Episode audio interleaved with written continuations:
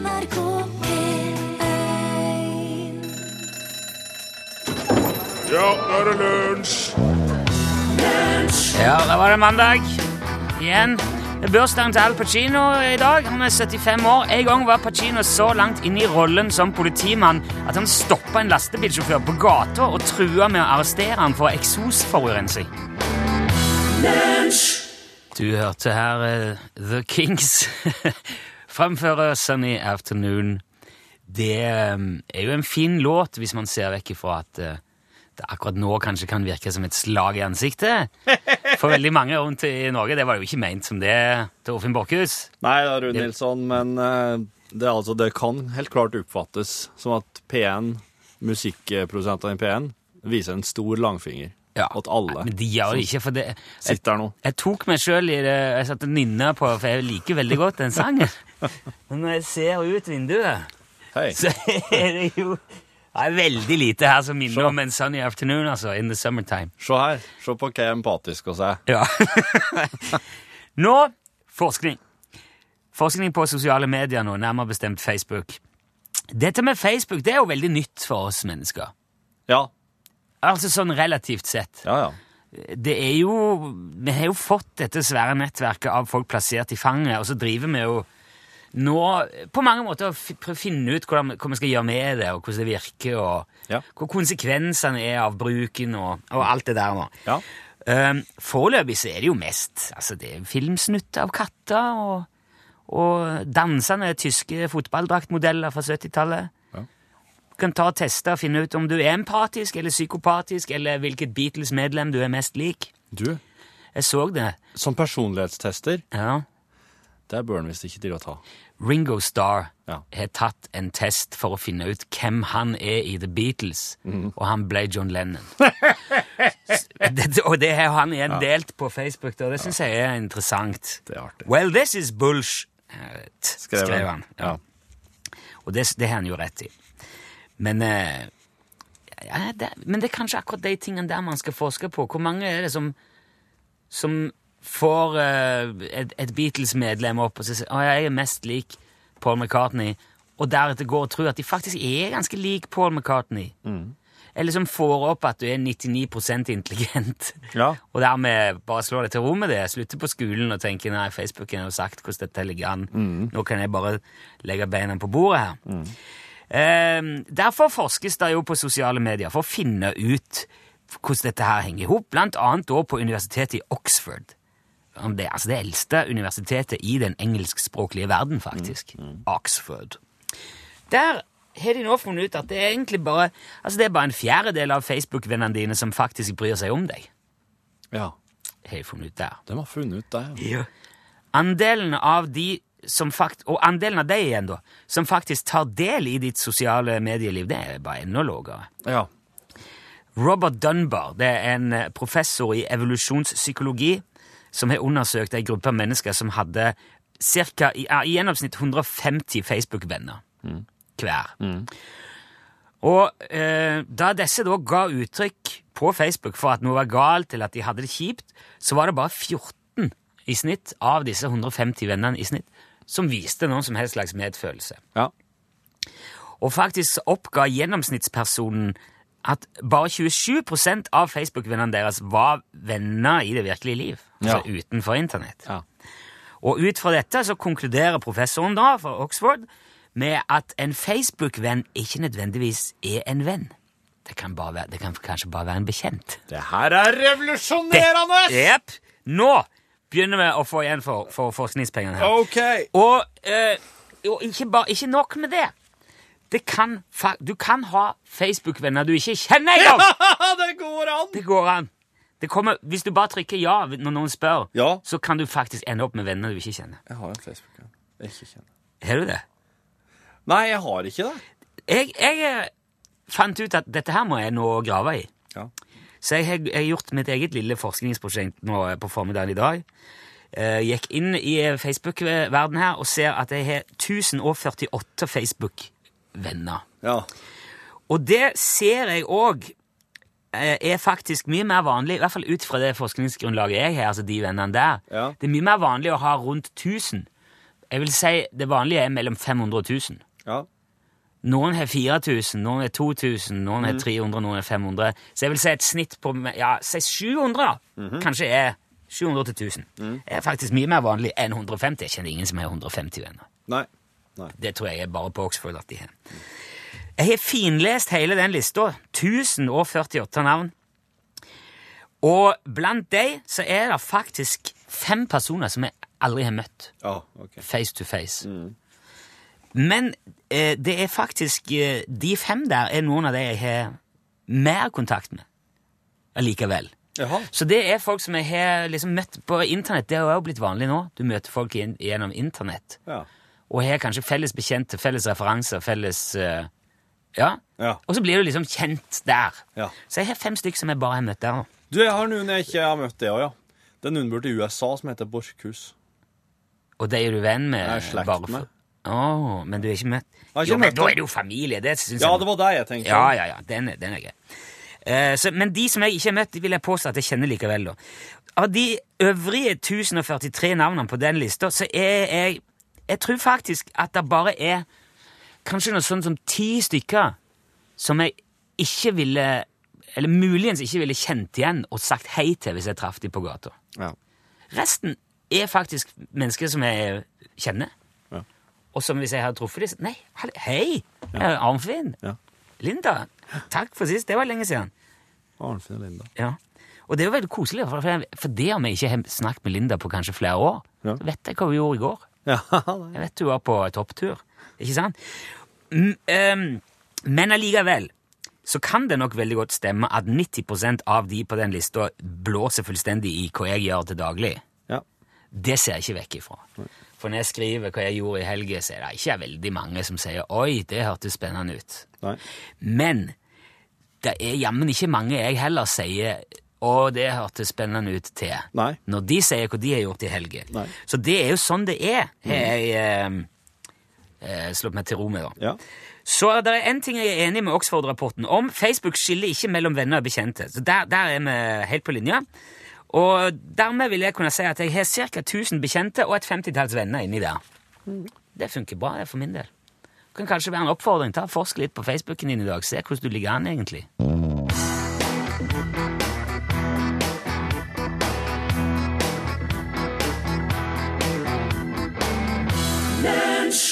Følg meg hjem. Det var Kari Bremnes. Jeg sa innledningsvis at um, Al Pacino fyller, fyller år i dag. Ja. Blir 76, var det vel. Ja. Født i 1940, så han skulle nok bli 76 neste gang nå. Ja. Um, Ja. jeg, jeg, når jeg går på Wikipedia på, for dagen i dag, Ja. Så står det nedover masse folk som har bursdag akkurat i dag. Ja. Så står det Al Pacino, amerikansk skuespiller. 1940, 25. januar. Klikker på Al Pacino her nå, Ja. så kommer det opp Alfredo James Al Pacino, født 25. april 1940. Så han ligger altså på feil dag. April? Han. Ja. Han ligger er- på feil måned. Ja, feil dag og feil måned og feil. Han er alltid feil i Wikipedia på Al Pacino. Men du, du, så hvis du, skal skrive særoppgave om han, Ja. dobbeltsjekk ting hvis du bruker Wikipedia. Bare si det nå. Men- det er feil. Han Men du, har ikke bursdag. han, han har den den 25., sant? 25. april. Ja, ja. Bare ikke 25. januar, ja. Ja, ja, men det er jo litt forskjell, da. Ja, litt mye forskjell. Al Pacino er fortsatt 75 år. Ja. Ja. Klarer Eh, det. flott. Men det Eh, er sant at han, når han spilte inn Serpico i 1973, var så, var så inni politirollen at han stoppa en lastebil. Trua med å arrestere han. Ja, ja. Sånn er det vet du, når du driver med såkalt eh, metodeskuespilleri. Method acting. Ja. Du, husker du i fjor da, på den tida her da jeg prata om disse her Disse her karene som jobba på det eh, egyptiske museet i Kairo? Jeg Som husker ikke hva du snakket om i går på denne tida. Iallfall, disse de, eh, de drev og rengjorde og vaska litt på hotellet, nei, på museet. Og så var det en av dem som kom borti eh, kong Tut, kong Tutankhamon sitt skjegg.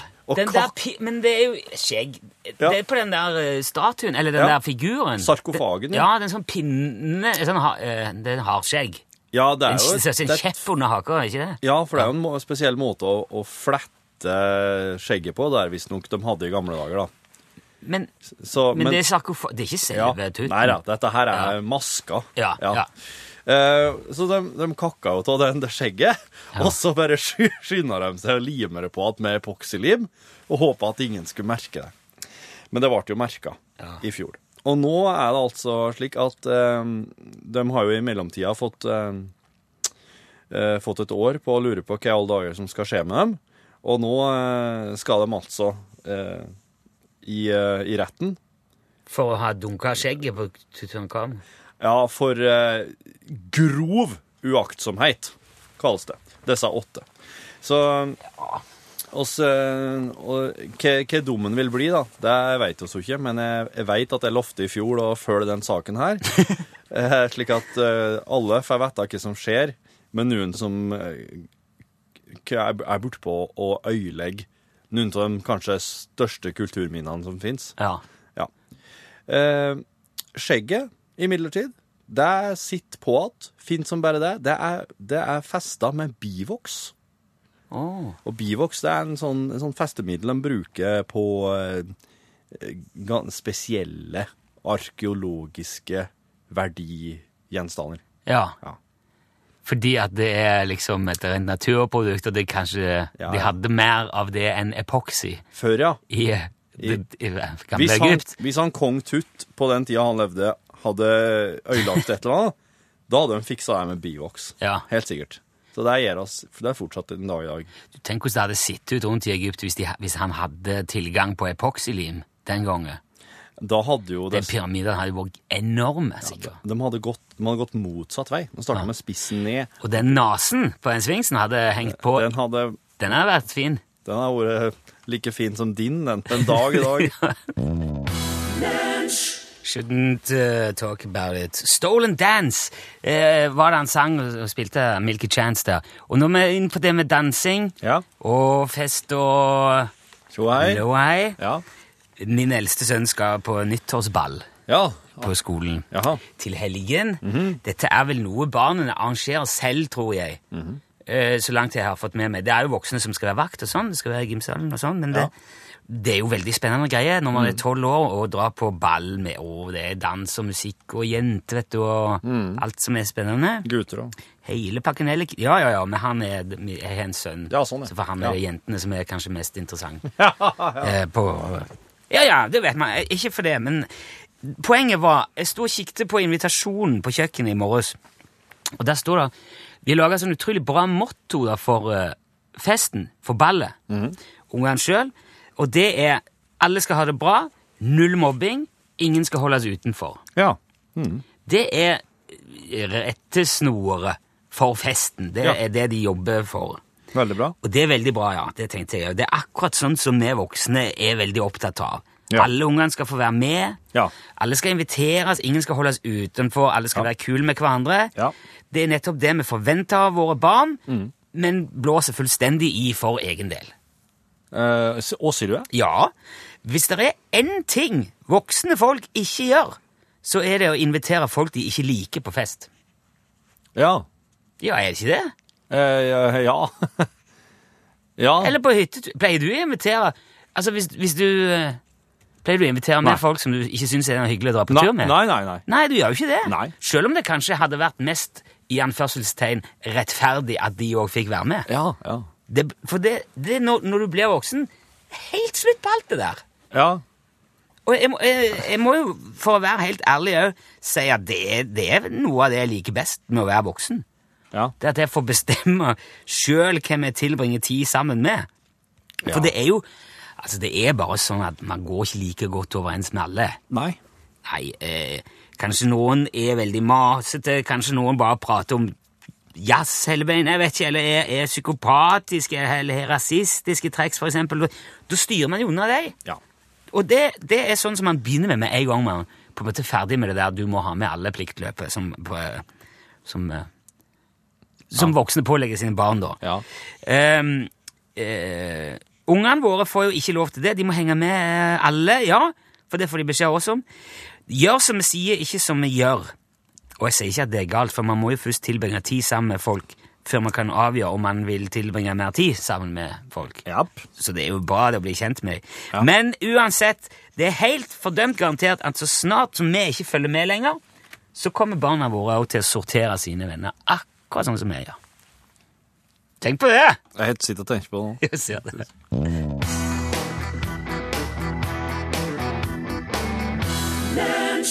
Der hørte du Simone Eriksrud, som mange sikkert kjenner som eh, stemmen i D-Sound, med tørketårer. Men nå er hun alene.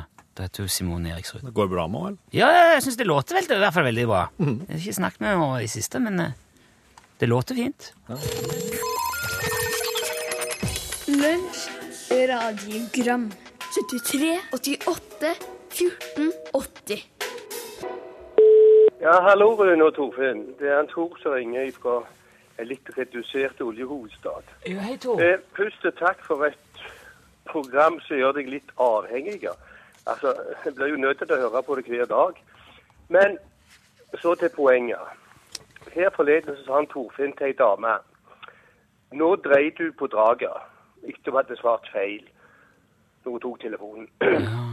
Vi vet vel alle hva det betyr å drite på draget. Men hvordan er uttrykket oppstått? Jeg tror jeg vet litt om det, men ønsker likevel at du og Rune, nei, du Rune og Torfinn, eh, kan forklare oss lyttere hvordan dette uttrykket har oppstått. Takk for seg. Eh, takk skal du ha, Tor. Det var et interessant spørsmål. Det kjenner jeg at jeg håper du har funnet ut. Ja. Det, det er jo egentlig I gamle dager så bruktes det om hesten. Ja.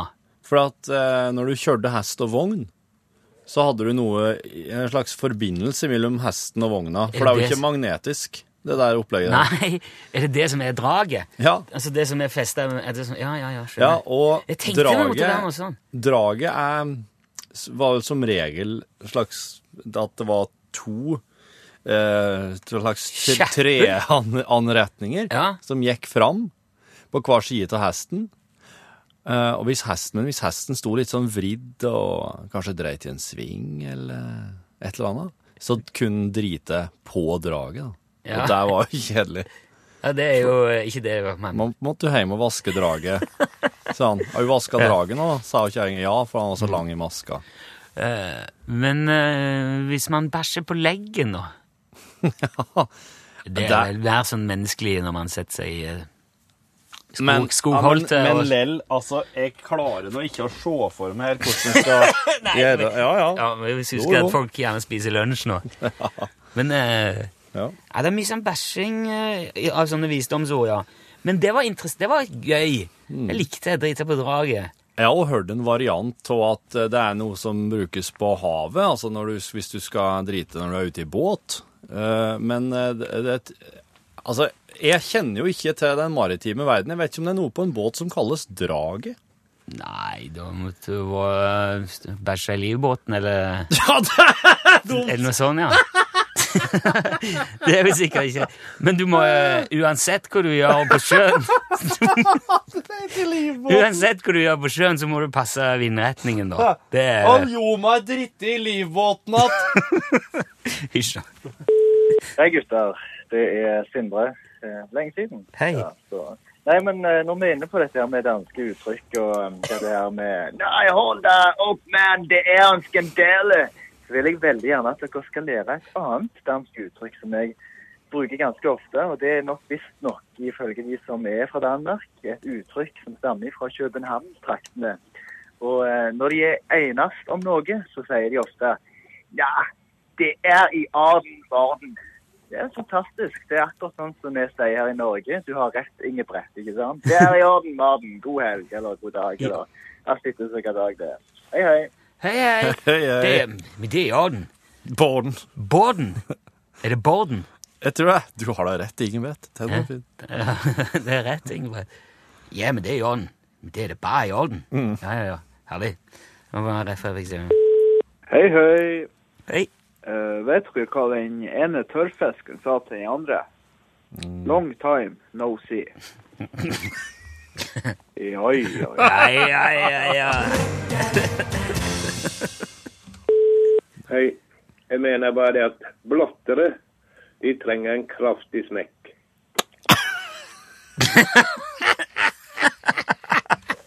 Lunsj, radiogram 73, 88, 14, 80 Oh, det var Tennessee Ernie Ford, eh, klassikeren 16 Tons.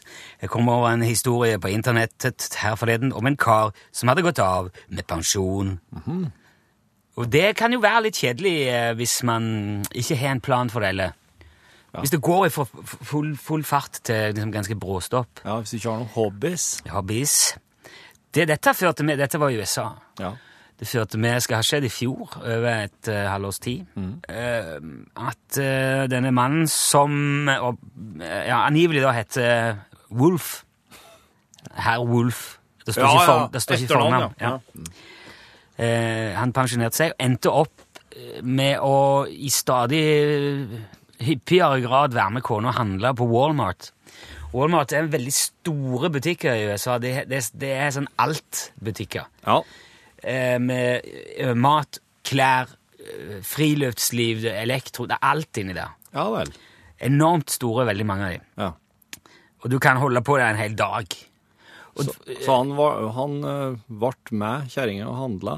ja, og, men så er det sånn at Wolf, òg, som så mange menn, gjerne foretrekker å inn for det han skal ha, og dra.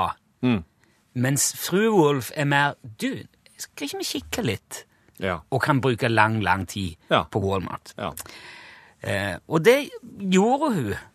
Med mannen med på slep. Ja. Eh, mye etter at han ble pensjonist. Ja. Og kona aner fred og ingen fare. Jeg får vel sikkert inntrykk av at han kjeder seg litt av og til, men eh, han aner ikke hva som egentlig har foregått, før hun får brev da fra Walmart. Jaha. Hvor det står at eh, over det siste halve året har din ektemann forårsaka gjentatte forstyrrelser i vår butikk, Jaha. og vi kan dessverre ikke lenger tolerere hans oppførsel, og ser oss derfor nødt til å nekte dere begge adgang til butikken her ifra nå av. Hæ? Ja. Men hvem har drevet med han, da? Ja, Episodene som er ført til det, er dokumentert av våre overvåkningskamera og Ja. dreier seg om følgende, da skriver de. Og så er det eh, for eksempel da 1. juni 2015 tok han 24 pakker med kondomer som han plasserte i tilfeldige kunders handlevogn da de ikke fulgte med. Eh, ved en annen anledning har han stilt alle vekkerklokkene i elektroavdelingen til å ringe med fem minutters intervall. Eh, ved en annen anledning har han laga spor med tomatjus ifra butikken og inn til dametoalettet. Nei! Eh, han har han har troppa opp hos kundeservice og forlangt å få legge av en pose med potetgull. Så han skal hente seg innover. Eh, litt, et stykke ut i august igjen, dette begynte i juni. Ut i august så har han plassert et sånn et eh, glatt gulv-advarselsskilt inn på et teppelagt område av butikken. Det virker ikke som det mest alvorlige, men det var visst nok til. Det var visst en av de tingene som fikk begeret til å renne over. Ja. Han har også satt opp et telt i friluftsavdelingen og fortalt forbipasserende barn at de fikk komme inn hvis de henta pute og dyne i sengeavdelingen, noe et tjuetalls barn gjorde. 19. august, da er det en av de butikkansatte som spør om han trenger hjelp, hvorpå han begynner å rope og gråte 'Hvorfor vil dere aldri la meg være i fred?' Eh, enda litt lenger ut i august han stilt seg opp foran et sikkerhetskamera og brukt det som speil mens han plukka seg i nes- nesen. Eh, litt ut i september gjemte han seg inn i et klesstativ, og når folk kom forbi og kikket på klær, så ropte han Ta meg! Velg meg! Plukk meg! um, eh, enda litt lenger ut i september, da kunderadioen i Walmart-senteret offentliggjorde informasjon i butikken, slang han seg ned på gulvet og la seg i fosterstilling og ropte 'Å nei, det er stemmen nå igjen'. Eh, 19. september tok han ei boks med kondomer og eh, spurte hvor prøverommet var. Og det som eh, vel fikk var toppen på Det som fikk det til å, å, å bli nok, var da han gikk inn i et prøverom i klesavdelingen og satt der ei stund før han ropte 'Hei, det er ikke noe papir her'. Og det skal ha ført til at en av de eldre ansatte i klesavdelingen besvimte. Og dermed Sorry, du får ikke komme inn her.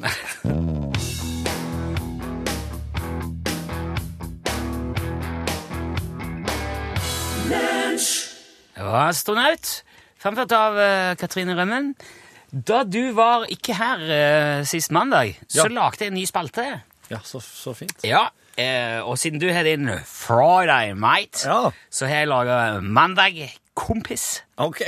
Og det er en, en 80-tallsmusikkspalte. Ja, der ser jeg for meg du har, ja. Og jeg har ikke bare gjort det, jeg har også sørget for at det er en radiofaglig helt ja, Virkelig sånn cutting edge kjenning til han. Ok. Dette her er det her er egentlig litt sånn utenfor vår stil, det, men det er litt sånn i 80-tallets Ja. ånd. da. Ja, det er det er du klar for eh, Mandag Kompis? Kom igjen.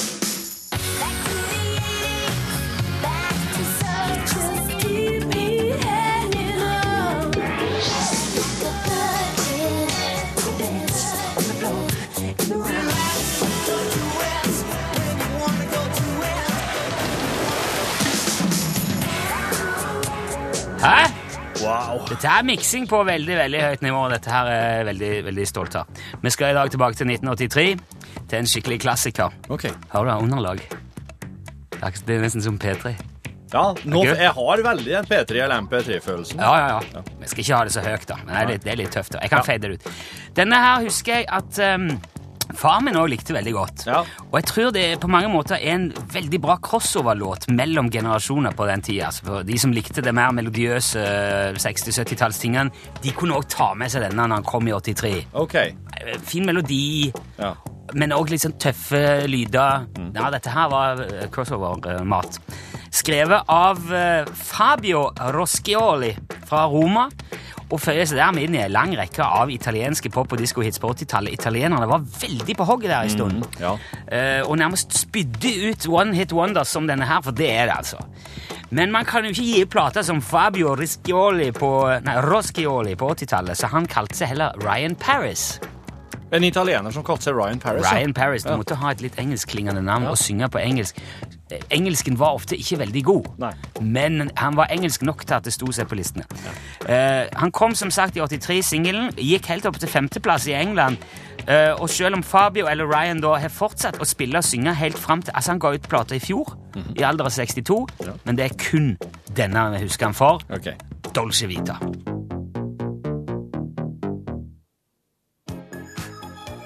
Ja, det var en vet du, klassiker, det der. eh, Ryan Paris, uh, Dolce Vita. Det er nok ikke den siste italienske diskoklassikeren vi får i eh, Mandag Kompis. Nei, det er, vet du, de, det er noen av disse låtene her som er, de er som sukker, altså. Ja, det er bare dryss inn i øret Ja, og gir eh, gode ilinger.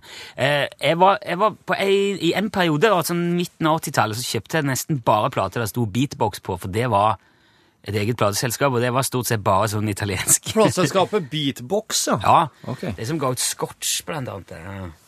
Det der skal vi komme tilbake til. Scotch har jeg ikke hørt. Jeg har ikke, tror jeg ikke hørt om. Å, det er så mye godt i vente. Ja, det er mye godt Nå er det bare å se fram til mandagen framover. Ja, ja, Dette her det er akkurat det. Nå Nå. ja, nå gikk det opp for meg hvor, hvor bra dette her blir. Hvor bra mandagene kommer til å bli. Ja! Jeg gleder meg allerede nå til, til det endelig bare blir kommet over helgen. Nei, det er i orden, Det, Morten. det er i orden, Morten. Ja, det skal ikke Det skal være Det, det er i orden, Morten, sier Ja. danskene rett og slett. Men det er i orden. I Orden, Morten. Det var slett i måen. Det var feil! Ja. Det er en skandale! Hva laver I? Aner jo ikke noget Det her, det holder i den bare ikke. Nei, det er sant. det. Og så eh, er- viser det seg jo at eh, drite på draget kan ha maritim, maritimt opphav. Ja, um, og det har òg bilparalleller. Det kan vi komme tilbake til. Ta Ja. den maritime først. her, du. Jo, eh, å drite på draget Her kommer det en tekstmelding. Jeg siterer. Å drite på draget stammer fra seilskutetida. For å gjøre sitt fornødne måtte en klatre ut på bommen, og en kunne da komme i skade for å drite på draget, som er tauet under bommen. Hilsen Svein, Kongsvinger. Nettopp. Og eh, bommen er da, så vidt jeg kan forstå, frampå, altså i baugen på båten, den derre mm, slags stokken som, som stikker fram frampå gamle seilskuter. Ja, Er ikke det en bom? Nei, jeg vet ikke. Er det kanskje det er Nei, Baustage, er det det heter? Nei, nei, nå er det bare galt igjen. Draget på en båt er den masta som stikker ut framme i baugen. Det er draget, det, ja. Ok, men da må vi stole på det, da. Ja.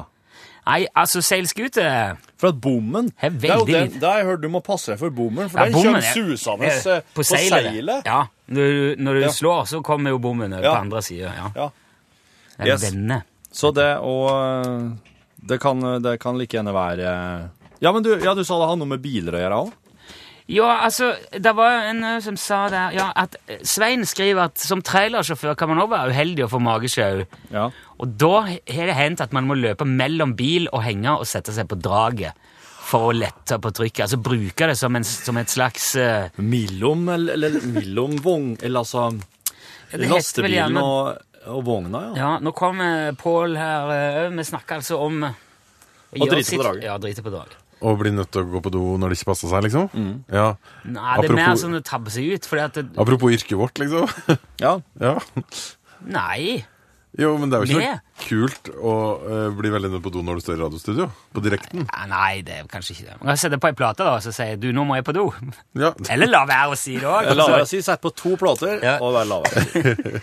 Skal vi, er det klart av, da? Det er mange måter å drite på draget på. Ja. Jeg, jeg tror jo kanskje at det heller mest Ja, ja, det kan godt være jeg får skute og òg, men jeg, jeg, den der hesten For det var når hesten betyr, skjøt ja. på draget. Ja. Mm, nemlig. Etymologisk. Ja. Mm. Det er et slags språkteigen igjen blitt, det her. ja, det, altså. men det er ofte det. ja, det er det. Ja. Eh, hva skal du gjøre da, Pål? Du, Er det eh, noen plan? jeg har jo litt planer med meg i veska i dag, da. Eh, har dere kjent på lengten etter sommer eh, nå om dagen? Er, er himmelen blå? Er gresset grønt? Ja, altså, Får du vondt hvis du springer alt du kan inn i Selvfølgelig, jeg tenker på å se ut, da! ja, men altså, det er Det er noen som elsker at det er sånn ute. Ingen, Noen som, ingen som elsker sånn Du, som det er i Trondheim nå. at det Altså, Se på våre kolleger, for eksempel, da, som springer rundt på ski og syns det her er helt Jo, jo, jo, på ski. Det er helt ok. Men nå er altså Trøndelag glasert. Ja. Der ligger et sånn lag med en halv centimeter is overalt her. Eh, til og med den der metalltrapp eh, nede fra utsida av huset mitt, den som alltid er trygg, den var glasert i morges. Holdt på å ta livet av meg. Det er jo ingenting det er ingenting hyggelig med det. I dag så skal dere få møte noen som eh, fikk en slags lovnad fra meteorologen om at de skulle skyte opp mot eh, ja, nesten 20 grader i dag. I en liten afrikansk fønvind som skulle sneie innom Norge. Aha. Så ble det rett og slett eh, ikke noe av. Eller kan det være at man får et lite glimt av det utover dagen, og så må få litt værrapporter fra Tafjord i dag. I tillegg så har jeg fulgt med på en spennende sak som skjer i Danmark. Ja. Det er nemlig slik at Den danske staten gikk ut og ba alle institusjoner, altså sykehus og barnehager, og sånn, om å telle flaggstengene sine Jaha. og rapportere det inn. Det var bare det at ingen kunne gi svar på hvorfor. Nei. Hva er grunnen til den tellinga? Én, to, tre, fire altså, Fire, fem. Vi er her fems her på jula. Eh, og så eh, har media da granska, granska, granska og eh, hatt konspirasjonsteorier en masse om den hele tellinga. Nå har svaret kommet fra øverste hold. Og du skal ikke si hva det er? Det må man lytte på Norgesklasse for å finne ut! Ja, der sa han et sant ord. Mathias. Mo! Hei, hei. Og velkommen til kontoret. Nå, Rune Nilsson, nå er det lenge siden vi har kosta på oss en skikkelig bonuspodkast. Ja, det har vært mye annet som har foregått. Anna Lovinda, Så Anna Karenina, Anna Batotina Anna Korint... Bakkevik, ikke minst. Ser du på Mammon? Jeg så litt i går. Jeg er fortsatt forelska i Anna Bakkevik, vet du. Anna Bakkevik. Vik. Anna Bakkevik. I cannot say that I am uh, confident who that is. Jeg skal se. Uh, hun var med i uh, Hun var med i Borgen skole. Men når, når Borgen skole gikk på TV-en, da var vel du mer sånn at du for rundt og rusa deg og utforska kjønnet Hva husker jeg du- holder på med? da, men da, da, var jeg, da var jeg sånn liten. Ja, Da satt jeg hjemme og så på TV, vet du. Eh, så, men da var jo du ute og levde det i livet med illegale fester og jeg gjorde nå det som man kan regne med at den som er ti år eldre enn deg, da gjorde. Ni. Åh, steike. Ja, det, det, det står jo direkte knytta opp mot eh, Mandag kompis-spalta di. Ja. Den her musikken du spiller da, det vil jeg tro er musikk du har svingt deg til Oh, ja. snurra sjøl. Snurra På klubb. Ja. Folkets hus. Folkets hus, ja. Ja. Det var lovlige tilstelninger òg. Ja, det, det var jo bare lovlig. Jeg drev Ja. ikke med ulovlige ulovlige festligheter før det går jo på 90-tallet. Ah, OK. Nei. Ikke så gammel. Det var liksom uskyldens tid, det her Å, ja. låtene du spiller i Mandag, kompis. Ja. Ja. Ja, når den, eh, når den der Dolce Vita kom, da var jeg ti. Så det er jo Da var du ti, ja. Men da, og, da, og da hørte du den da? Eller? Jeg hørte den nok da, ja. Men eh, så det, jeg tror det var kanskje 85 da jeg begynte å spille plate på Folkets hus. Da var jeg 12. Ja. Ja, så, og det fortalte jeg om i forrige uke, at jeg hadde, jeg hadde to eh, bruskasser, som, tomme bruskasser som sto oppe med mikseren, Ja. som jeg dro frem og plasserte på, på liksom, eh, gulvet foran mikseren, som jeg sto oppå, sånn at jeg skulle se over. Jeg kunne se over. Mm. Det strekke opp til mikseren og se folk på andre sida. Det er en fordel som DJ å stå litt høyere opp. Se, ja, dette her var oppå en scene, sånn typisk gammelt forsamlingshus med en stor scene. Ja. Og oppå der så sto det en sånn svært hyllesystem. Ja. Som der var felt ned pla- platespiller og miksepult og masse plater og sånn i. Ja. Så det var ganske eh, greit å kunne se over det, ja. For det. Og der var det disco dancing. Oh yes. Og gammel og ung. Yes. Eller var det Ja, Først juniorklubb, og så var det seniorklubb etterpå. Og du spilte for begge? Ja, når jeg var ble gammel nok, så spilte jeg på begge. Ja, da var det egentlig Først- bare å spille musikk som folk kunne danse til, da. Ja, ja. Ja. I begynnelsen var det vel eh, Jeg tror juniorklubben var opp til til- 10 til 14, eller noe sånt. 10 til 13, og så var Ja. det 14 til 18 på Ja. Eller, ja. Ja, alkoholfritt og veldig ordentlig, dette Kommunal ja. fritidsklubben. Mm. Mm. Jeg ble faktisk Jeg var med i eh, ble på et eller annet vis havna i, i eh, årsmøtet til Landsforeningen for fritidsklubber på Gran på Hadeland da jeg var 13 år. Og var en eneste som var sånn junior der oppe da. Ja. Resten var jo bare eh, sånn 18-19-20-åringer. ja. Så det, det var en litt rar opplevelse. Hva skjedde der? Nei, eh, det var masse Det, det var en sånn sammenslutning av fritidsklubber i hele landet da, som møttes og hadde sånn støtteordninger for fritidsklubber og avgifter og, og tiltak. Og jeg vet, jeg husker, altså, jeg var ikke så jævlig opptatt av akkurat det. Jeg var mer opptatt av, Vi drev og lagde sånn tullefilmer sånn innimellom. Og, Du måtte jo vært veldig ung til å være der, ja. ja, var helt malplassert. Du var 13 år gammel og var på et årsmøte. Ja. For Nei, jeg lands... tror det var ja, LFK. Jeg tror det var en liksom misforståelse av uh, Margaret uh, Kraft der som var uh, Jeg tror hun trodde sikkert det var flere på min alder der. Ja. Men det var jo ikke det. Det var bare meg. Så hvordan gikk det, vil du si? Jeg husker jeg syns det var koselig. Jeg. Ja. Det var på en sånn De var greie med deg? gård eller noe sånt på Hadeland. En sånn nedlagt skole eller mm. tidligere ja, svært, nærmest gods Ja. som var på. Så klarte pinlig å bli valgt inn som vara i styret vet du. Så fikk jeg, en stund etter jeg kom hjem, så kom der eh, kom der innkallelse, eller kopi av innkallelse til styremøte. Til vara. Da dro jeg til Margaret med det. Så sa hva er dette her? Hva skal jeg gjøre med det? Nei, jeg må reise til Oslo. Altså, da dro jeg til Oslo. Men det var, da, det, det var egentlig bare orientering, i tilfelle jeg skulle bli kalt inn. Så var det sånn fullmakt til reise. Ja. Jeg, og jeg tror det, jeg syns det var eh, ganske slitsomt å ha den der guttungen rundt der. Ja. Jeg tror ikke det var helt det de hadde tenkt når de skulle ha Nei. Landsmøte, nei. Styremøte. Års- Ja. I styremøtet sitt, ja. Og enda det var bare orientering. Du var jo bare vara.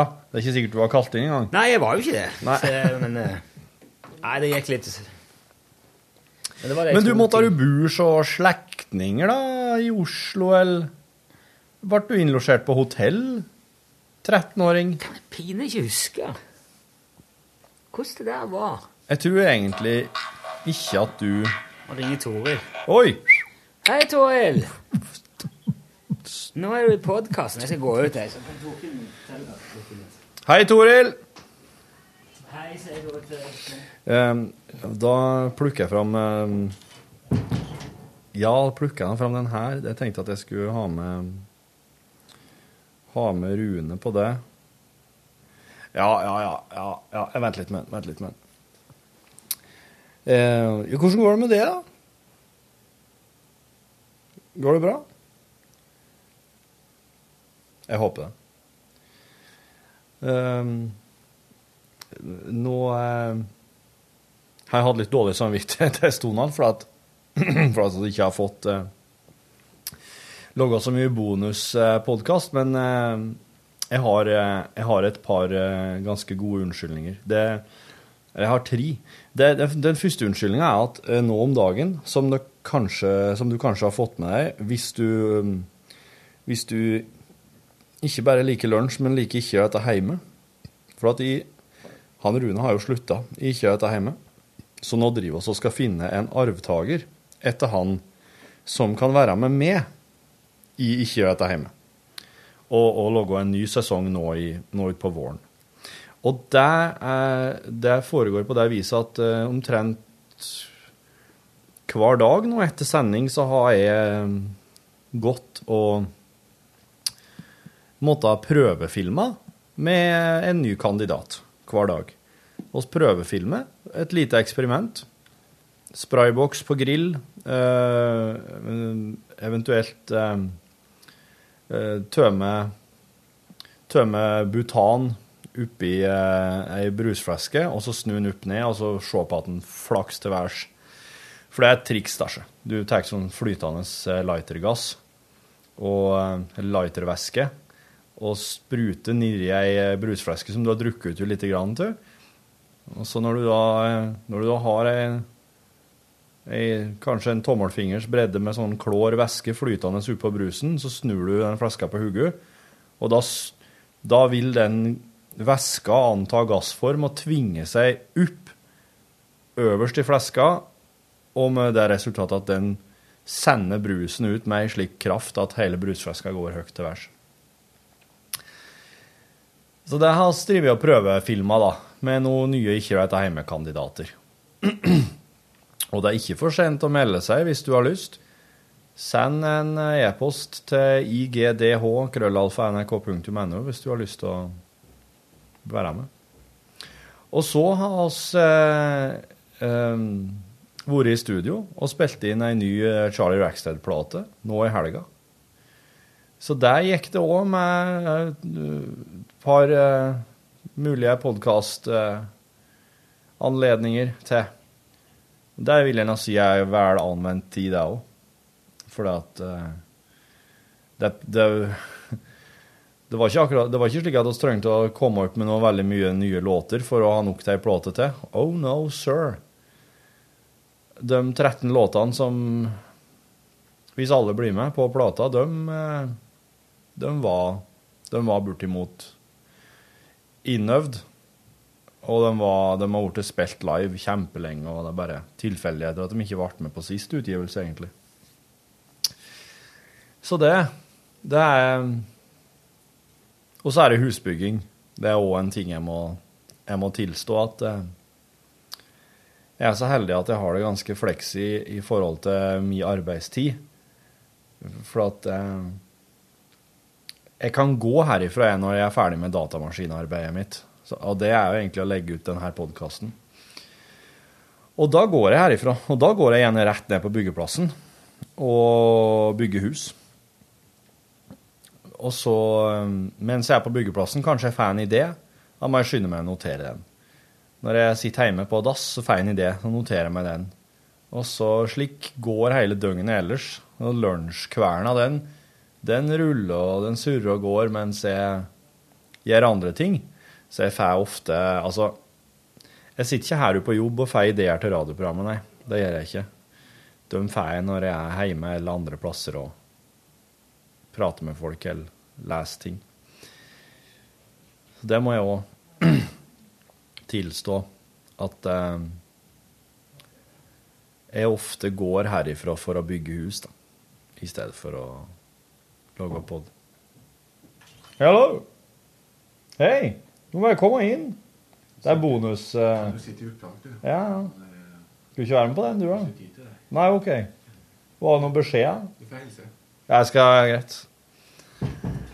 Der var banjoisten i The Sticklesbergen Ramblers innom. Morten.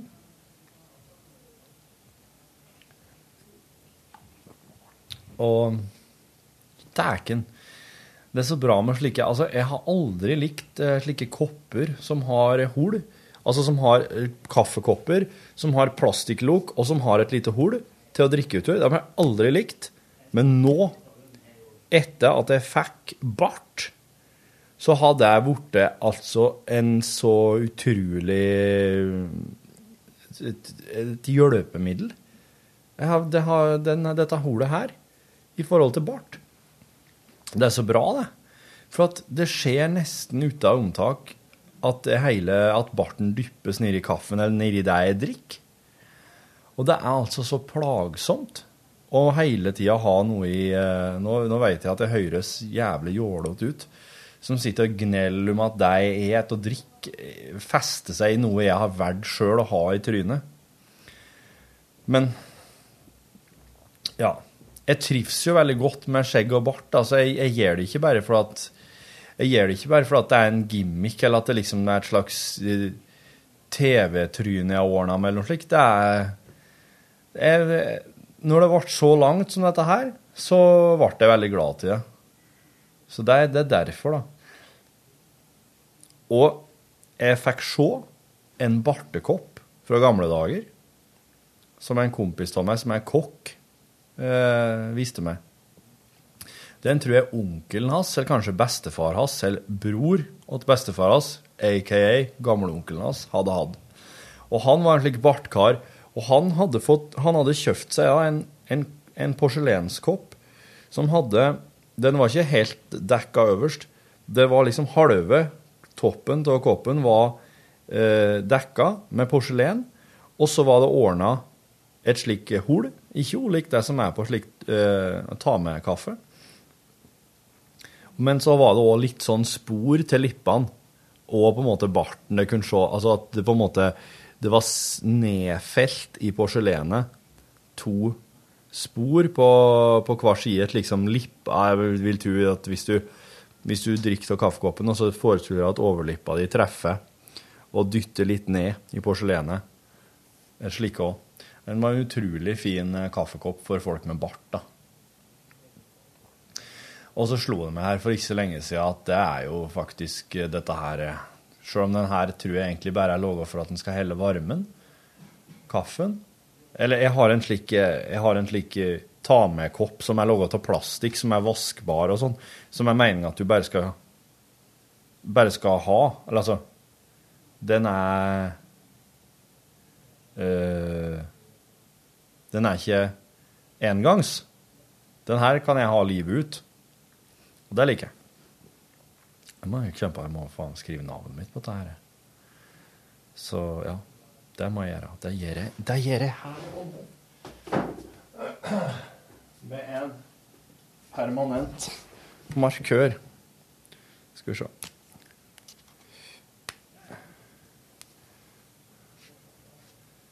To Det der blir vanskelig å se. Torfinn Steike, jeg begynner å få slik håndskrift som mor mi. Ja, ja. Får se om det henger der. Iallfall så er det det det det det går i om dagen. Eh, jeg har fått, eh, også fått inn ett forslag til også fått inn ett forslag til hvordan den godeste eh, plata kunne se ut. Espen, eh, som, eh, som er nonlinjær podkastlytter, han skriver coverforslag Charlie Rackstead. Hei! I podkast av 14.1.2016 etterspør Torfinn forslag til cover på den nye skiva til Charlie. Det skal være et erkeamerikansk og erkenorsk motiv. Hva er vel da bedre enn en kombinasjon av American Eagle og elg i solnedgang. God tilstand, nonlinjær podkastlytter. Tusen takk, Espen. Det er herved oversendt til vår eh, grafiker, Ole Kristian, så han, eh, han kan logge et utkast. Og eh, til dere andre òg, det er ikke for seint å sende forslag. lkrøllalfa.nrk.no. Eh, det er, jeg er helt enig i at eh, det er bare en god idé å ta og bare fortsette å ta det her amerikanske og det norske og prøve å knytte det i hop eh, på forskjellig vis på coveret. Det er ikke det, det trenger ikke å være mer innvikla enn som så.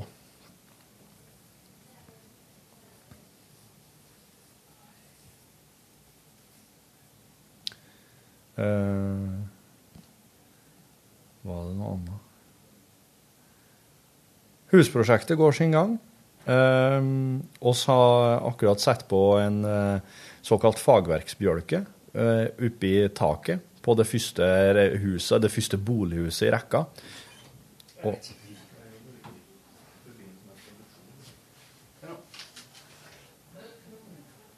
Yo!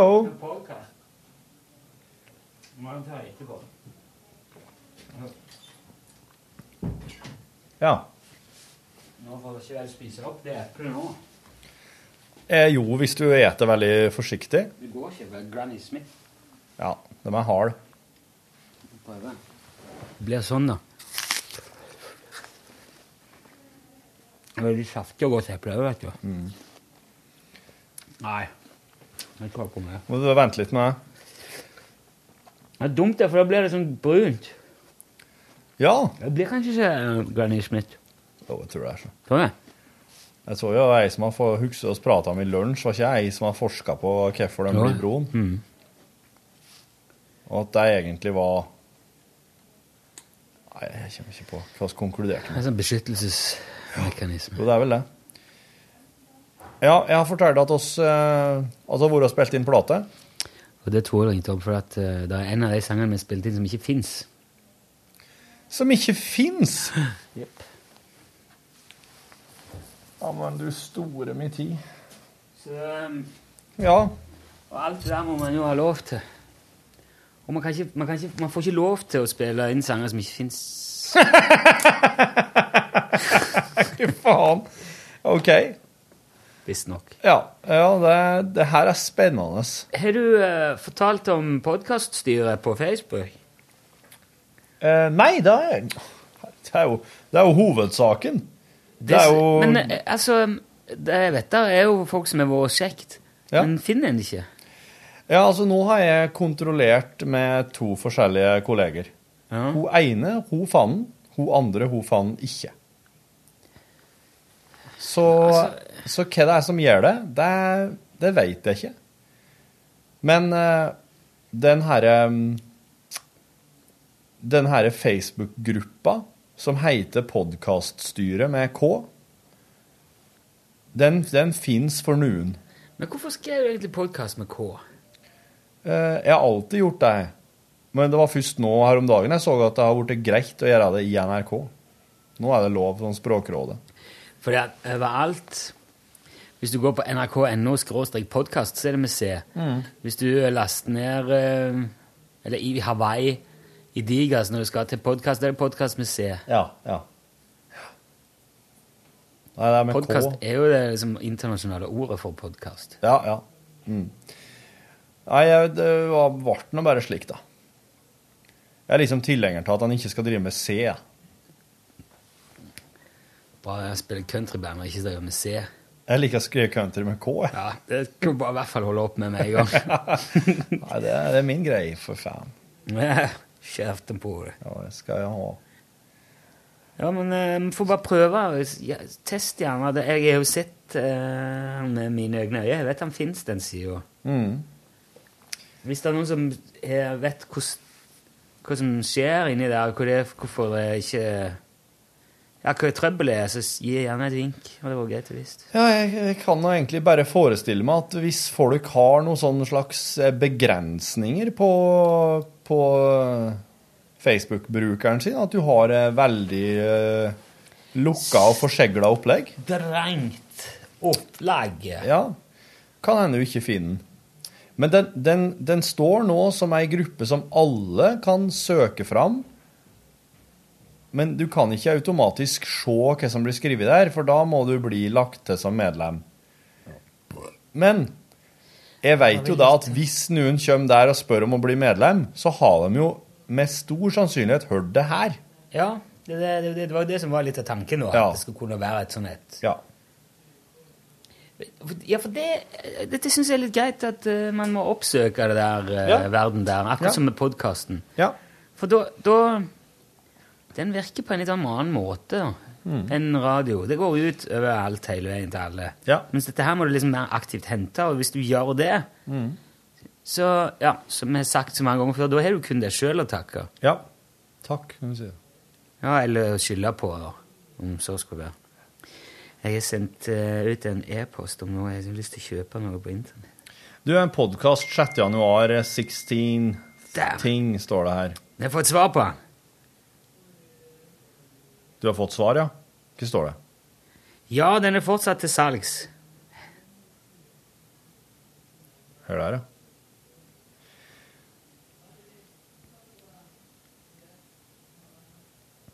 Da kjøper den. Ja, det er veldig godt mulig, det. Ja. Skriv det, da. Spør meg nummeret jeg kan ringe han på. Ja. Slipp å ta det her på mail.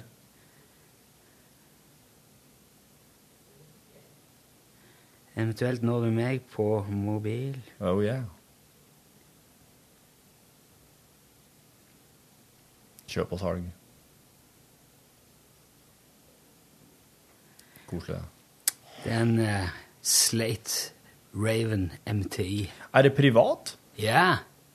Er det en som skal den privat? Ja, helt ny. Og det er jo litt mystisk. Ja.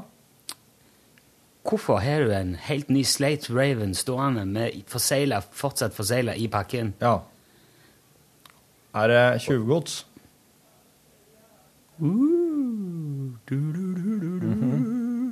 Nei, men jeg lurer litt på hvordan det er med Altså, det er lisens for uh, ti, Altså Det er mulig at det er litt penger å spare på å kjøpe en uh, second hand, men spørsmålet er jo hva garanti og Ja.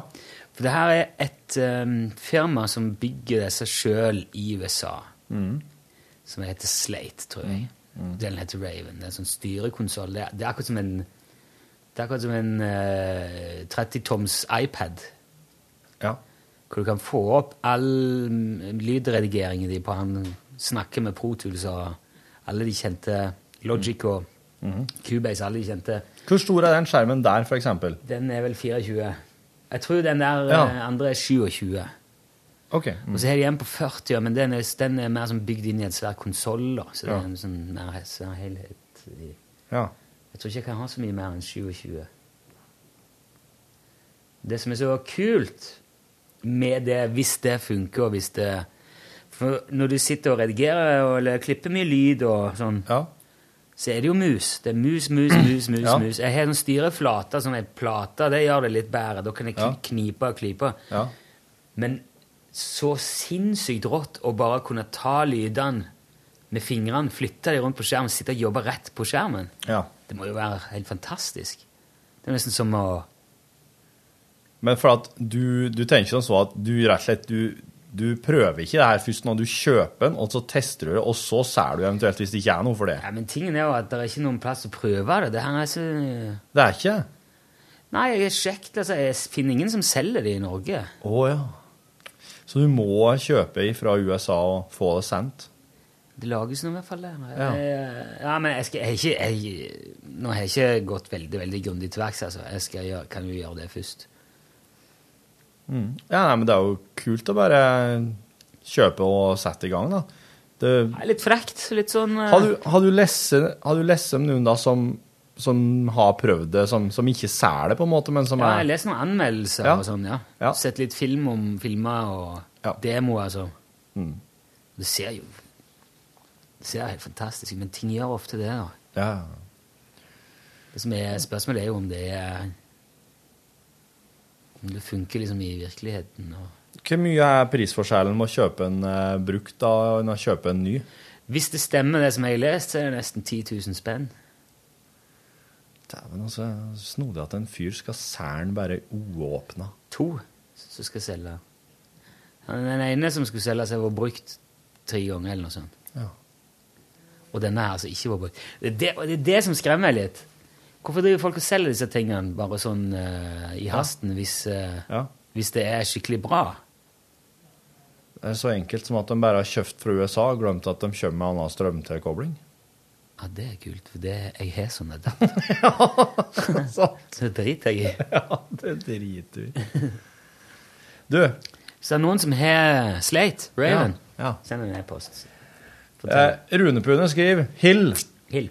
For å sitere Torfinn, vi må ha noe ting, altså. Relanserer herved mitt forslag fra sesong 1 eller 2, UTS refleksvest. Refleksvest er påbudt i bilen. Det er strengt tatt påbudt på eh, motorsykkel. Parentes, tok lappen i september. Parentes slutt. Gratulerer med lappen rundt pundet. Og det er galskap og Darwin Awards å gå gatelangs uten, spesielt hvis man er så heldig å bo en plass som ikke er neddynga med gatelys. Jeg skal med glede bære UTS-logoen på ryggen når jeg i mai freser tagaren på min da nyinnkjøpte 1996 Honda VFR 750, hvis dere gidder å lage dem. Hilsen Rune Pune, Raufoss Rock City. Du, Ja, det er du som er in charge of merchandise. Ja. ja. Jeg syns det låter bra. Jeg syns refleks er en bra ting. Det er jo ingen hemmelighet. Nei, nei. Refleksvest har jeg liksom eh, Det har jeg brukt kanskje bare en håndfull gang i mitt liv, så jeg har veldig lite liksom forhold til det. Altså, jeg tenker at det må jo være den enkleste sak av verden å få laga en UTS-refleksvest. Og der Ikke det er kan lettere enn å en pisse seg ut. peanøtter. Nei. Nei, det er det ikke. Men for et Da er det plutselig ikke den letteste ting i verden likevel. Men for, for, en, for en, en såkalt uh, merch-leverandør, så tenker jeg at jeg tror at de bare sier refleksvest! Skjær! Et bæsje refleksvester. Med logoen ferdig på. Det tror jeg hun Men- eh, men- ja, Unni, ja, som jeg kommuniserer med på merch-fronten, sier. Men da føler jeg at det er Det ligger på deg å si Aha, nei, nei, nei. Jeg skal ikke ha noe run of the mill everyday uh, jævla refleksvest. Jeg skal ha en refleksvest som når, når du ser den Ja. i mørket, så tenker du Holy cannoli! Der snakker vi refleksvest! Hva er det der? Det er en skarverefleksvest! Ja. Jeg har, Type. vet du, jeg så en refleksvest her eh, før jul som jeg glemte å, å si i lunsj, men nå får jeg anledning. For det var en kis som kom gående i gata der jeg bor, og det kom en bil bak meg som lyste på han, slik at jeg så den fra samme vinkelen som bilen omtrent. Og den, den, det så, den så radioaktiv ut.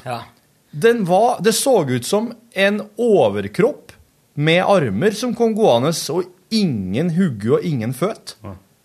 Det var, det, det var ikke sånn gult, det- sånn som eh, Nei, det var sånn helt hvit, det. Eller var Nei, den, den, var, den, så, den var så grønn som det der ja. uh, uranet som en Homer Simpson driver med i Simpsons. Når han driver med klypa si. Det var sånn urangrønt. Det var helt vilt. Og det fikk meg altså jeg begynte å lure, Er det, er det kommet noen ny refleksteknologi? Så refleksteknologi? Godt eple. Så jeg ble helt, eh, jeg ble helt sli i bakken til hvor jævlig det lyste opp. For det så ut som en overkropp som bare kom svevende i lufta. Men de har sånn um, refleksfrakker og sånn klær og vesker og sånn som er helt bare Alt er bare refleks. Så Ja, det, ja. det er Ja. Det er, det er visuell juling, det. Når de Ja, det er det. Mm. Men så begynner jeg å tenke på, er det noe oss kunne ha logget av merch som jeg på en måte hadde både likt å gå med, og det har vært praktisk å gå med sånn i det daglige? Jeg tror ikke, jeg tror ikke refleksvest er det jeg ville ha driver på med utapå? For det føler jeg er liksom knytta opp mot eh, trening og skigåing og motorsykling, kanskje? Altså, jeg, jeg, jeg ser helt klart eh, poenget med refleksvest. Jeg gjør jo det. Selvfølgelig er det det. Men i hvert fall i, i sånn litt mer tettbebygd strøk, Mm. så vil Hvis du har refleksvest på, så kommer veldig ofte folk og spør kan jeg parkere her. Eller Ja. hvor betaler jeg? Ja, Eller, stemmer det. Du blir jo sånn Du blir liksom offisiell Ja. For det er Du blir en det- representant for ja, noen ting. Du blir officials. Um, det er det folk tar på seg når de skal vise at jeg jobber her. Eller jeg har en funksjon her uh, utover det du kan forvente at folk har. For jeg går med refleksvest når jeg er på HV-øvelse. Da er jeg på med refleksvesten. Og når du sier at det er påbudt Rune Pune i bil, så er det fordi at når du eh, punkterer eller eh, bilen din brenner opp og blir stående liksom i veikanten og, Mm. Og, det er trua dyrearter rundt Ja. og Da skal du ta den på. Ja. Du skal ikke ha den på når du kjører bil. Det er ikke det som er poenget. Nei, det er hvis du må begynne å stoppe trafikk og være Ja. i veien og ja. Så, men, så jeg har litt sånn lyst til at vi skulle funnet en sånn Men et refleksskjerf, da? Går det an? Skjerf? Refleksskjerf? Ja, det, jeg vet ikke, kanskje det. Men da, da kan du ikke ha det de mørke sommerkveldene. Nei, det kan du ikke. Det er det ikke så mange av i Norge heller. Er en slags uh, ref... Ja, det er det si Ser på hva en har på seg, liksom, til Altså, de der båndene som du De der slap wrist-greiene, Ja. de, de, de bruker jeg jo. Ja. Jeg har tre-fire sånne i jakkelommen. Ja. For jeg har helt svart jakke. Og når det er, når det er skumt når jeg går, så er det bare ok. Ja. Så har en på armen her og en der, en på leggen og sånn, og så er jeg jo bare skinner som lort i ei lykt. Ja. Det jeg opplever, er at de ofte er litt sånn for små. Sånn de når ikke rundt kanskje leggen da, hvis det er bukse og sko på. Ja. Og så blir de stående, det blir en sånn liten uh, whip, akkurat en liten klo. Sånn. Åh. Ja, at den og det føler jeg ikke så kult. Så jeg har også hatt noen som var rulla rundt et par ganger, rett og slett. ja, i hvert fall var breie og store nok. Ja. Så, kanskje, så kunne det jo stått eh, noe kult på dem. Men det godt, ja, liksom Gjeninnført det gode, gamle 80-tallspannebåndet da, med refleks. Refleksdab-radio. Refleksdab-radio, ja. En sånn refleksøyrplugger. Hvis du går og hører på musikk, så er det noe refleksøy med eller at det lyser, blinker og sånn. Det, det, alt sånn som er merchandise, eller som er, ikke koster over 1000 kroner, låter ræva. Mm. Så da må du velge mellom ålreit lyd eller bli Mm. sett. Ja, det Der, er- der begynner jeg faktisk å tvile litt. jeg Foretrekker. Plutselig var det ikke så nøye å bli sett lenger. Nei, Jeg får eh, heller dø enn å høre på dårlig lyd. Nei. Nei, spissformulering i humoristisk henseende. Nei, jeg tar jo her på tidspunktet at alle som drakk konjakk, var pedofil, så jeg mener at du er godt innafor. Det der, har du sagt det? Ja. Det var, det var feil. ja, det var feil. Det var å stryke alle over en kam. Det var helt feil. Det, det, det tror jeg du kan ta opp neste gang noen spør i et sånn der eh, portrettintervju eller et eller annet. Så hva, er det, hva er det mest feil du har sagt noen gang? Nei, det må vel være at eh, alle som drikker konjakk, er pedofile, tror jeg. Ja, det ser jeg han kommer til å si da. Slik oppsto pedofili av konjakk-analogien. Torfinn avslører. Om den der eh, tråden du har rundt armen, Hei, man. har du fått den eh, under en avskjedsseremoni i Laos? Nei. Den, ha, den fikk jeg Det er en eh, veldig god restaurant her i byen som, som serverer smøret sitt i sånne små papir, papirposer. Og de har sånn kuvert, en kuvert smør som serveres til et måltid. Den kommer i en papirpose, og som er knytta att med slik snor. Knytta att eller knytta opp? Knytta att. Så jeg må knyte den opp sjøl. Når jeg får når jeg får servert maten, så kommer den med brød, kanskje potetlompe og det smøret. Så du må knyte opp den pakka med smør. Ja. Og der har du da Ja, men da knyter du opp, du knyter ikke att. Nei, men de har knyttet att. Jeg knyter den opp, ja. Ja, ja, ja. Så jeg knyter opp den. Men så eh, likte jeg godt disse snorene. Og så Ja, det var jo bryllupsdagen at kjerringa med, og Så der, hun tok ei eh, Hun tok ei snor, og jeg tok et par. Og så ba selvsagt om å få mer smør, for det var så godt. Så knytter jeg på med Og nå skal jeg ha dem her, og kjerringa si er duttet av. Og når minnet detter, da må vi dit på nytt. Ah. Ja. Nei, for jeg så et TV-program i går om en eh, engelsk eh, kar på 31 år som hadde stukket av fra finansjobben sin i London og eh, bygd seg hytte på ei lita øy i Mekongelva i Laos. Å, herre min. Der bodde han.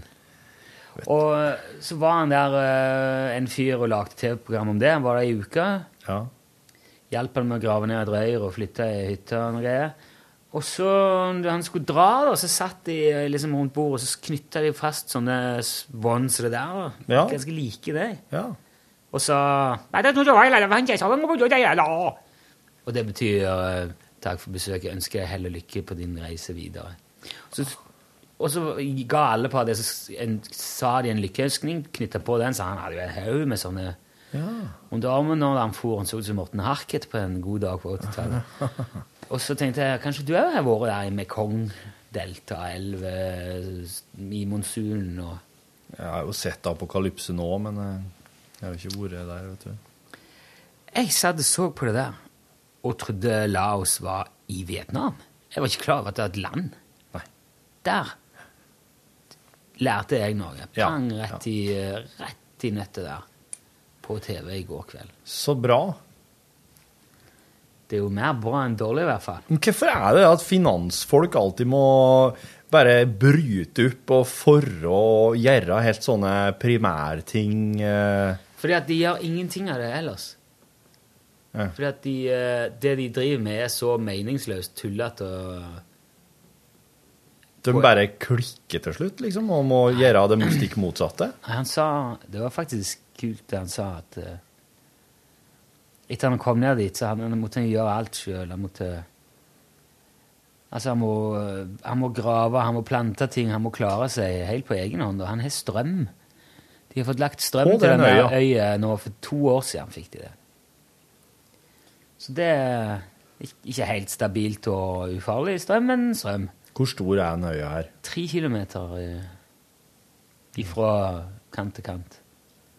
Og Mekongelva må jo være nødvendigvis enda større. Den er veldig, veldig stor. Men det er jo sånn uh, tropisk Det, det er sånn uh, regntid da når han var der, så den elva var sinnssykt stri. Så hadde de satt opp sånne feller ute i vannet når de skulle svømme ut der for å sjekke de fellene, da, eller fiskeanordningene. Så måtte de ha tau rundt magen, og de svømte, de svømte som galne. Helt som panikk. Hadde de, hadde de blitt tatt av strømmen, så hadde de jo bare aldri sett det igjen. Var det flere som bodde der òg, eller? Ja, ja, han bodde en del folk der. Og han, det var vel derfor han på en måte eh, klarte seg så greit derfor han hadde fått så god kontakt med de som var der. Okay. Han hadde liksom nesten fått seg en sånn reservefamilie der, Ja. som hjalp han med ting og Ja. viste han eh, Hvordan virka han fyren her på det nå, da? veldig sånn harmonisk og fornøyd. Ja. Han sa at der måtte han gjøre ting, men eh, hjemme så han, han kunne gå på jobb eh, dag etter dag, uke etter uke, men han, det var aldri noe igjen for det han gjorde. Altså, han kan, han kan aldri på noe tidspunkt si 'Ser du den som står der?' Ja. Vet du hvor den har jeg lagd, eller den har jeg vært med og satt opp. sant. Det er ingenting konkret igjen av det. Det er kun Ja. trykking på knapper, tall, og så skrur du av skjermen. Så alt det du gjorde den dagen, det er for alt du vet, bare vekke. Det, det er akkurat som det ikke fins. Så jeg tror folk som bare jobber med sånne helt bare abstrakte konsepter hele veien, kanskje fort kan få sånn Ja. hva, hva er det egentlig jeg driver med? Det er jo ingenting igjen av det jeg holder på med. ja, sant. I hvert fall du som driver skal bygge hus nå. Det må jo være veldig tilfredsstillende. Ja, det, ja, det er jo det. På, på det her fysiske, håndfaste viset, ja. Ja. Jeg satt akkurat og tenkte at eh, det å, å jobbe i radio kan jo, kan jo liksom oppfattes Altså at han, han heller jo bare på med ting som går ut som Ja. radiobølger og eller, eller bits and bites. Og, men det har, en, det har jo en effekt da, på folk. Det hjelper jo å få spilt inn ei plate innimellom. Ja, det gjør det. Men eh, det er veldig eh, Men det er sikkert ingen som kom bort til han finansfyren her og sa at dæven, for en bra transaksjon Ja. du gjorde her om dagen. Åh, det der salget Ja. med Delta 7,5 Ja. til de der Wow. Fy Fy Jeg faen, må jeg, det var, det, jeg synes det var så kjekt. Ja, jeg, ja. jeg er liksom blitt avhengig av å, å følge med på hva slags transaksjoner du gjør. Det, det er ikke Men slik er det jo å jobbe med lunsj, da. Så da har han jo Det er veldig heldig sånn, da.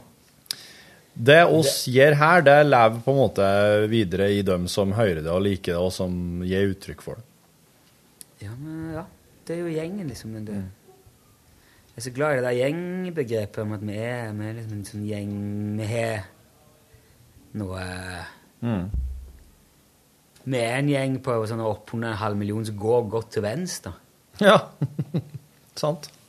Og her kan le av eh, stort sett de samme tingene. Det var jeg som ikke var imponert over den der kannibalistisk eh, orienterte anekdoten fra krigen som du hadde på fredag. Ja, stemmer. Den er veldig den, det, det er hard kost. Det er jo forferdelig. tenkte på det at kanskje det der var vel det var kanskje Detaljnivået var litt Ja, litt høyere enn det hadde trengt å være. ja det, det kan nok være, ja. Mm. Men jeg syns at uh, sluttpoenget var så bra. Mm. Det var så tankevekkende. Ja. Men den der er vel kanskje ikke ute som podkast, for det var jo teipasending. Å ja, den skal jeg podkaste i dag, eh, forresten. Det, Men- ja, det vil jo men- si at du som hører det her, kanskje har hørt den først, faktisk, lell, hvis jeg hiver ut den først. Ja, men Før da kan jeg jo si det, dette her uten å spoile, at eh, Ja, jeg gjør bare det. Han Ja. er den eneste som klarte seg, eller kom seg ut Ja. berga av de Ja. ni, var det det? Ja. Som datt ned med det flyet. Ja, mm. Det var George eh, Bush senior, Mm. som senere ble president. Ja. Og som uh, seinere ble far til George W. Bush. Stikkordet der er seinere. Ja. For altså den ei, Smak på den. Han var den eneste som klarte seg. Mm. Som kom seg ut av det. Han ble redda av en ubåt, ja. Ja. Mm. Og hadde, hadde det bare bytta om bitte lite Mm. grann, Mm. så er det åtte ganske Nei, var det fire på førstemann? Hadde han to perioder, Bush senior? Bush senior hadde to perioder, to, ja. ja. uh, ja, for det, nei, da er det 16 år med galskap som kunne vært Ja. spart. Nå kjenner jeg at jeg ble Ja. eh, Nå må jeg pinlig sjekke. Du, jeg, jeg, jeg, jeg vil bli overraska hvis eh, George Bush senior ikke satt i to perioder, ja.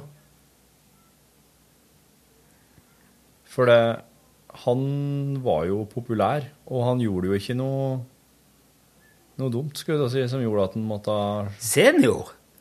Han var jo eh, Det var jo hele Gulf-helsiken. Jo, jo, men på en måte han, han, Ja, ja, sånne ting, ja, men han gjorde, han gjorde ikke noe sånn Det var ikke noen skandaler som gjorde at han måtte gå av tidligere. eller Han er jo sikkert en presidentsuksess, han i mange sine øyne.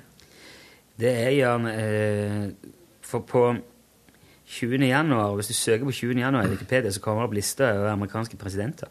For de ble jo satt inn, tatt i ed 20. januar, de aller, aller fleste. Ja. George H.W. Bush senior Nei, han satt en periode. Gjorde han det? Ja. 89 til 93. Så kom Clinton. Og så Ja. kom sønnen to, to runder, vet du. Ja, nei, de klarte å sette i gang eh, utrolig mye, disse der, der altså. Det um, Altså For å si det slik Tror du at 11. desember, 11. desember, 11. september-angrepene hadde funnet sted hvis det ikke hadde vært for disse to der?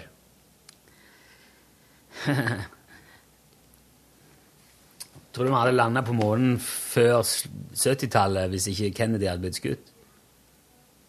Nei. Nei, nei, jeg vet ikke. Jeg har ikke noe mening om det, men det, det, går ikke, det er veldig vanskelig å ha noe Ja. mening om det der. Ja. Amerikanere har jo stelt i stand veldig mye elev enn mange andre plasser før Bush. Han har jo begynt å tulle. og har jo Mm. Spytta jo ikke akkurat i Vietnam-glasset Nixon heller. Nei. Nei, så Men iallfall, det er utrolig ikke stor forskjell det å redde en person med, med ubåt kan gjøre. Og jeg syns det var en uh, voldsom tanke. det der. Mm. Kanskje mest av sønnen, altså. For hvis ikke han sønnen der Han tror jeg han tror jeg er ødelagt mest. Han tror jeg er ødelagt mer enn nesten noen andre. Mm. Ja, for at uh, det er jo Andre, andre, noen andre amerikanske presidenter, altså. Ja, se på, se på, se på hvor, eh, hvordan det gikk med, med krisa og hele den kollapsen. Det var jo det Obama kom inn i og bare Å, herre min. Men det som jeg, jeg- syns er så skremmende med han her Lillebuss, er at det er helt åpenbart at han er, han er Ja, i Litt mangel av sånn- et bedre ord, sånn dum. Ja. Mm. Han, han klarer liksom ikke gjengi liksom helt elementære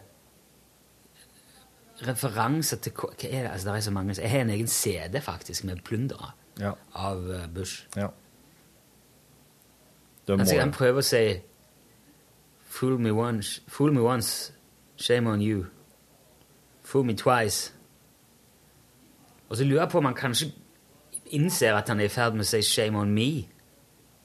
Ja. Som jo er uttrykket sier at hvis, hvis du lurer meg en gang, så er, så er det dårlig gjort av deg. Eller så, ja. Men hvis du lurer meg en gang til, så er det min egen feil. Og så ender det bare opp med Fool me once, shame on you. Fool me twice. Shit. Fool me once, you can't get fooled again. Ja.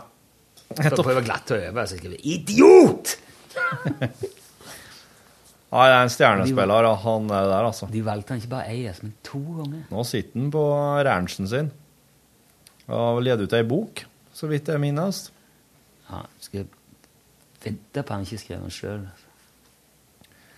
Ja, eh, det må jo ha vært en, det må jo ha vært en forferdelig jobb å passe på han der. Og få rundt og være med han og, og passe på at han ikke sier, sier feil ting, og passe på at han sier får noe rett. og... Du sitter den filmen av eh, Hvem er det som har lagd en W? Jo, det er han godeste Oliver Stone, Ja, vet du. ja, ja, ja. Og han gir en bra figur, han ja. som spiller han sjøl. James Brolin, tror jeg han heter. Okay. Ok. Han er så bra en skuespiller.